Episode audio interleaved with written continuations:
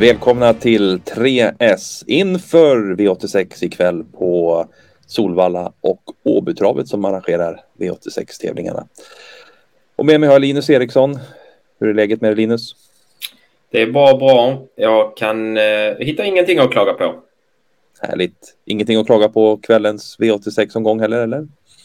Nej, jag tycker den ser spännande ut på förhand. Eh, det är många roliga drag så att säga och så har vi några starka favoriter att luta oss mot. Så att, eh, ja, men det ser ut som en eh, trevlig omgång. Vad härligt. Har vi, mm, ja, så ska vi ta några fina drag i den här omgången i det här programmet också. Då, både spikar och skrällar och chas. Det är väl tanken. Då eh, tycker jag inte att vi ordar mer om det utan kör igång helt enkelt med spiken.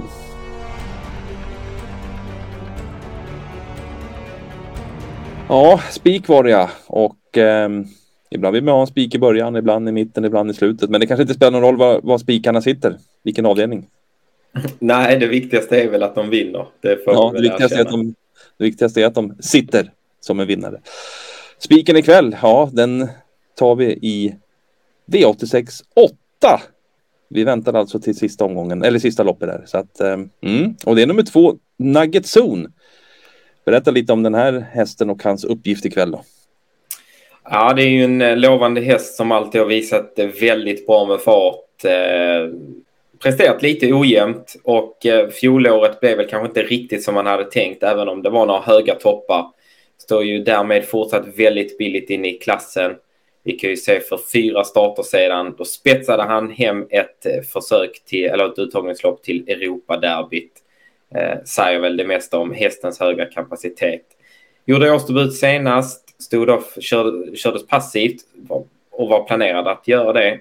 Men såg ju fullkomligt lysande ut när han avslutade vid en 08 avslutning. Eh, kan se på bilderna här över upploppet. Exakt ett sånt intryck, intryck man vill ha i en årsdebut. Loppet i kroppen nu. Bra spår, snabb ut, obesegrad på svensk mark från tät.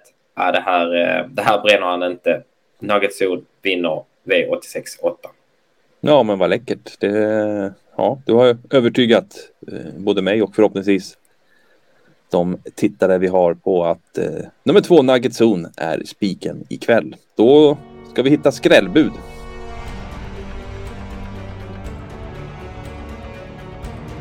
Skrällopp var det ja. Och eh, ja, vi ska faktiskt vara kvar på Sovalla fast det handlar om ett kallblodslopp. Det är inte så vanligt att man kör kallblodslopp en vanlig omgång så här på Solvalla. Men det gör man ikväll och här ska vi leta skräll.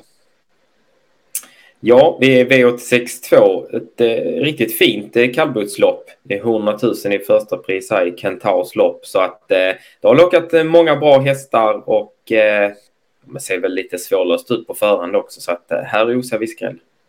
Mm, vad härligt då. Vad, um, har vi något, får lyfta fram ett skrällbud här då? Ja, men vi eh, kan väl eh, avslöja att vi har faktiskt en väldigt låg procentare som tipsetta. 7 SKs Ariel kommer väl inte med den mest imponerande raden, men har ju tävlat i tuff konkurrens då i sitt hemland Norge. Ehm, har gjort väldigt bra resultat i Sverige förut. Vi såg ju här senaste besöket i Sverige, då besegrade faktiskt hästen Becklös Uriel ganska säkert också från ledningen och eh, slog dessutom Björlifanner då som han eh, går ut mot den här gången från lika start och enkelt då också så att säga. Eh, springspår passar hästen bra. Han är snabb ut eh, i ett lopp där de inte har sin styrka kanske i startsnabbheten, många hästarna, så läser vi att SKS Ariel tar hand om ledningen Eh, står perfekt in i loppet om man ser till pengarna. Mjölneröd brukar ha laddat när han kommer till Sverige så att eh, ja, pass upp eh, i det här loppet och framförallt för SKs Ariel.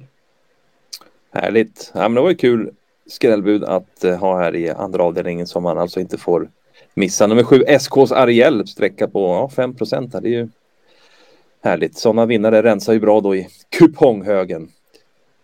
Då återstår det en rubrik i det här programmet och det är chaset.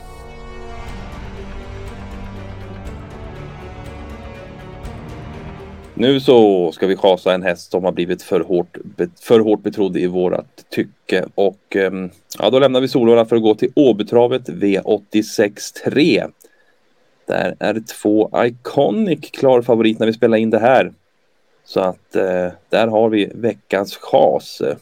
Berätta lite hur tankegångarna gått i det här loppet då.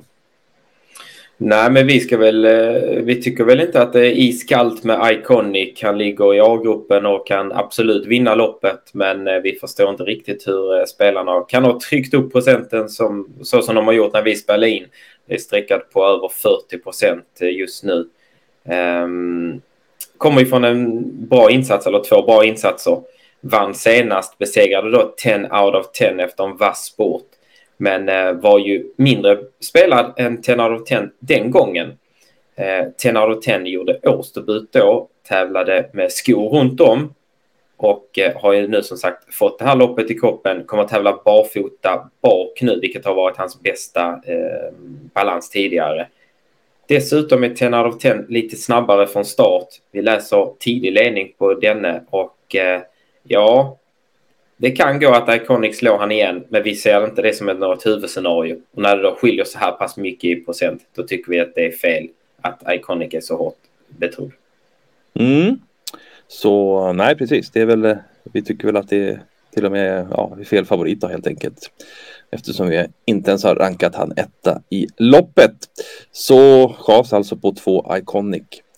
Ja, då har vi gått igenom kvällens eh, rubriker här på V86 och eh, Ska vi sammanfatta det så har vi ju spiken alltså i V86 8 i två Nugget Zone. Och så var skrälloppet V86 2 där nummer 7 SK Ariel lyfts fram som eh, skrällbudet i loppet. Och så chasar vi alltså två Iconic i V86 3.